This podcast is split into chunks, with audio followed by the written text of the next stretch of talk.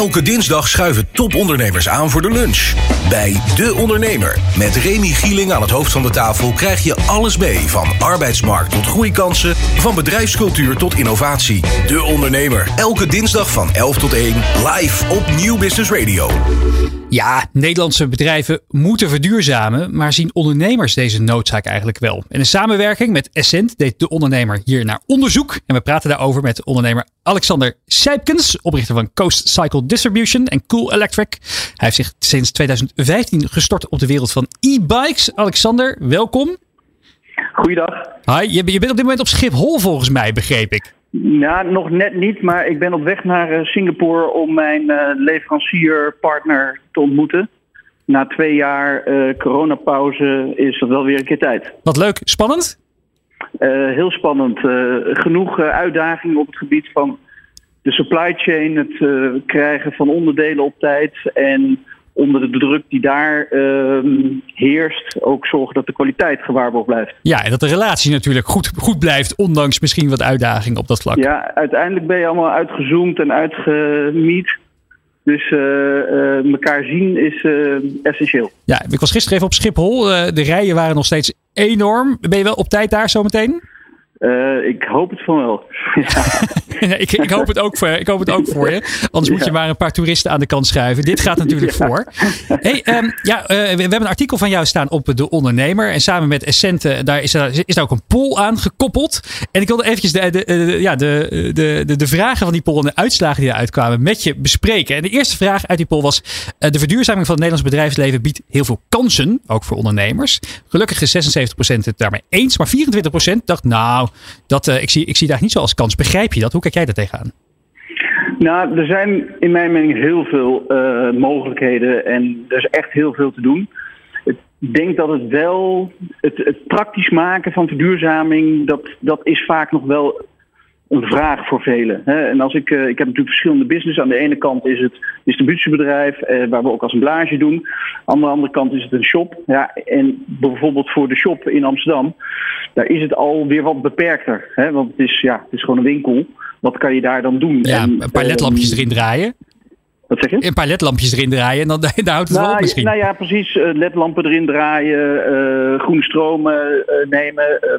maar ja, he, dat, dat is niet altijd duidelijk wat je daar nog meer kunt doen. En ik denk dat als het aanbieders van producten zijn die op dat niveau wat meer handvaten zou kunnen bieden, dat dat dan nog duidelijker wordt. En met name praktisch. Ja, dus eigenlijk wat je zegt, hè, verduurzamen biedt veel kansen, maar het ligt wel een beetje ook aan de sector of in de, in de omgeving waar je in zit. Ja, klopt. Hey, de andere vraag die hier uh, bij naar voren kwam, uh, is de noodzaak om duurzaam te ondernemen is nog te weinig voelbaar. Dus uh, als ondernemer heb je nog te weinig druk van, van, van binnen of van buiten om te verduurzamen. En 8, 89% is het daarmee eens. Ja, ik denk dat het in lijn ligt met de, wat ik net zei. Dat ja, op het moment als jij gewoon je business draait en je merkt niet veel, het moet toch ergens worden getriggerd. En uh, in mijn geval hè, is het e-mobility, is transport eigenlijk de trigger geweest. Om te kijken van ja goed, ik ben op zoek naar een ander soort transport. Dus het vinden van wat zorgt er nou voor dat mijn business anders kan worden dan, dan alleen maar een intrinsiek gevoel voor we moeten, we moeten een betere wereld achterlaten. Uh, ja, ik kan me voorstellen dat daar iedereen zegt ja we moeten, maar ja hoe dan? Maar met andere woorden, missen we dus een bepaalde urgentie uh, in het ondernemersvolk, zo gezegd nou, in Nederland? Ja, in, de, in theorie denk ik niet. Maar in de praktijk denk ik wel. Ja, want hoe denk je dat, dat de energieprijzen daarmee te maken hebben? In, ineens uh, lopen een aantal bedrijven, hè, niet allemaal natuurlijk, uh, in één keer aan tegen oplopende kosten wat dat betreft. Denk je dat dat misschien een van zo'n, dat dat de noodzaak wel versterkt? Ja, dat, dat denk ik wel. Ik denk, we, we zijn natuurlijk Hollanders, dus we, we kijken goed op de, letten goed op de centjes. Dus op het moment als dat heel erg duur wordt, dan gaan we kijken van hé, hey, wacht eens even. Kan ik dat niet op een andere manier doen? Kan ik dat niet sparen? En op het moment als daar goed op wordt ingesprongen en je krijgt daarmee ook praktisch, dat je ook echt makkelijk ziet van hè, dit kan ik doen en dit heeft dan ook dit gevolg. Dan denk ik dat dat zeker succesvol is. Wat merk je daar zelf van, zakelijk of privé? Uh, nou ja, uh, uh, nu nog niet zoveel als je nou over de energieprijzen praat, omdat het contract loopt nog. Maar ik denk, hè, we zitten hier in het centrum van Amsterdam, de oude panden. Uh, ik denk dat die energieprijzen dat die door het plafond schieten. Dus die rekening die zal uh, navenant hoog worden. Ja, je rijdt natuurlijk al op, op e-bikes rond. Dat kan niet anders met jouw bedrijf. Maar heb je ook andere maatregelen getroffen? Warmtepompen, elektrische auto, uh, uh, iets in die trant? Ja, warmtepomp nog niet. Ik ben nu wel bezig met... we, hebben, best wel veel logistieke bewegingen die we moeten doen. Dus ik ben nu aan het kijken of we in het kader ook van de wet die in Amsterdam gaat gelden, dat over een tijdje alle auto's, zakelijke auto's, elektrisch moeten zijn. Ben ik aan het kijken of ik een elektrisch busje kan aanschaffen voor transport. in plaats van een, de manier waarop we het op dit moment doen. Vind je dat de overheid hier ook nog een rol in heeft om die, die, die, die transitie naar duurzaamheid um, en naar duurzaam ondernemen te versnellen? Dus dat er meer incentives moeten komen of juist belastingdruk? Nou, wat ik denk is dat. Kijk, we missen gewoon die praktische handvaten. Hoe kun je nou ervoor zorgen dat we er van veel meer bewust van zijn wat er allemaal mogelijk is en hoe we dat kunnen inpassen en hoe dat dan eigenlijk direct mijn, mijn leven beïnvloedt. Dat is hetzelfde als met zonnepanelen en dan krijg je hele plannen over zoveel jaar is dit de besparing en, enzovoort enzovoort. Maar er mist gewoon een, een communicatie over de mogelijkheden die er praktisch zijn, die je gewoon easy kunt implementeren. En waar je dan ook relatief snel de effecten van voelt. Hoe kijk jij naar, eh, Jacqueline?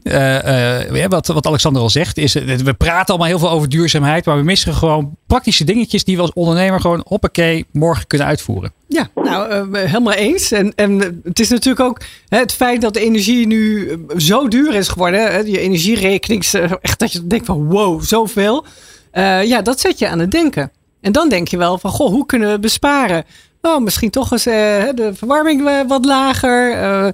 Uh, ja, wij, wij, zitten zelf in een heel oud pand, tenminste in Hilversum. Maar ja, dan ben ik heel blij dat in mijn andere panden, in de Drachten en Rotterdam, dat we daar huren inclusief. Dan denk ik, oh, dat is een goede deal. Dat is een goede deal. zelf een appartement wat nog gebouwd moet worden met warmtepompen en een zonnecollector. Super duurzaam. En denk, oh, en denk, ja, misschien dan toch uh, later ook maar aan de elektrische auto. Dus, uh, maar je hebt uh, jezelf heb je natuurlijk een, een bepaald platform opgericht om mensen te informeren en te helpen richting de juiste oplossingen. Zouden ja. we dan eigenlijk gemeentes, overheden, particulieren of ja, maar je ziet al hele instanties? Mooie, ja, maar je ziet al hele mooie initiatieven. Hè? Want we hebben natuurlijk een hele grote groep mensen hè, waar wij voor werken, die weinig te besteden hebben, maar die uh, ja, die ook geen geld hebben om bijvoorbeeld een uh, energiezuinige uh, koelkast te kopen. Ja. En heb je bijvoorbeeld de gemeente Den Haag, die, die werkt met vouchers. En dan krijgen de mensen 250 euro voucher, waarmee ze dus een nieuwe koelkast kunnen kopen die energiezuiniger is, waardoor die kosten naar beneden gaan en waardoor ze ja, toch weer de eindjes aan elkaar kunnen. En zo kun je dat op microniveau aanpakken. Ja, dus. dat vind ik hele mooie initiatieven. Dat, dat is echt heel slim. Dat gaan ze zo meteen ook met wasmachines doen. Ik heb begrepen dat, dat het verschilt per gemeente hoe ze dat doen. Ik begreep dat in de gemeente uh, uh, nou ja, ergens in het noorden, dan krijg je wasrekjes dus, om te drogen. Dus dat is heel terug in de tijd. Stap je terug in de tijd, ja. ja, ja. Alexander, er, is, was nog één vraag die was gesteld door Essent en de ondernemer. dat is namelijk, dit is voor mij de belangrijkste reden om duurzaam te ondernemen. En mensen konden dan stemmen op de energiekosten, toekomstbestendigheid, verwachting van klanten. Nou, de meesten zeiden toch wel, ja, die energiekosten is voor mij toch toch wel een belangrijke reden om duurzaam te ondernemen. Uh, is het verrassend? Um, ja, vind ik eigenlijk wel. Omdat dat is natuurlijk. Korte termijn, denk ik. Korte, korte termijn.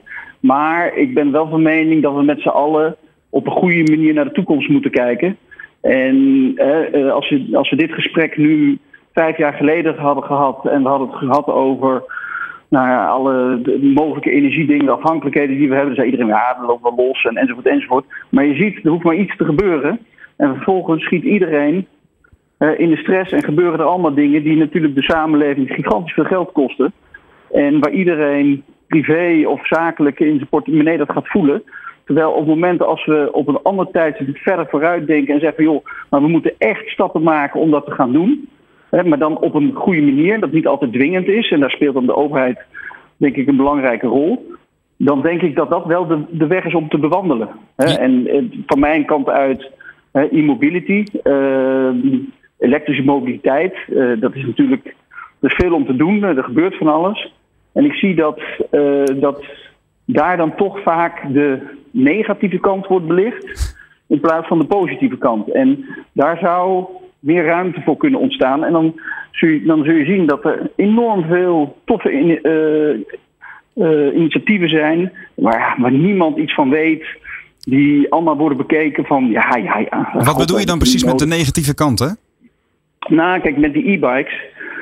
Nou, ik weet niet of je, als je de, de artikelen leest, gaan allemaal, ja, ik hoor ze niet en ze gaan schieten allemaal snel voorbij en dit en weet ik wat allemaal. Ja. Dus, dus dan, is, dan wordt dan toch weer de negatieve kant uh, belicht. Terwijl als je een paar jaar geleden had gezegd, hé, hey, wacht even, uh, x procent van de mensen die nou een e-bike heeft, die, die heeft de brommer laten staan. Ja, dat is, toch een, dat is toch een goede beweging.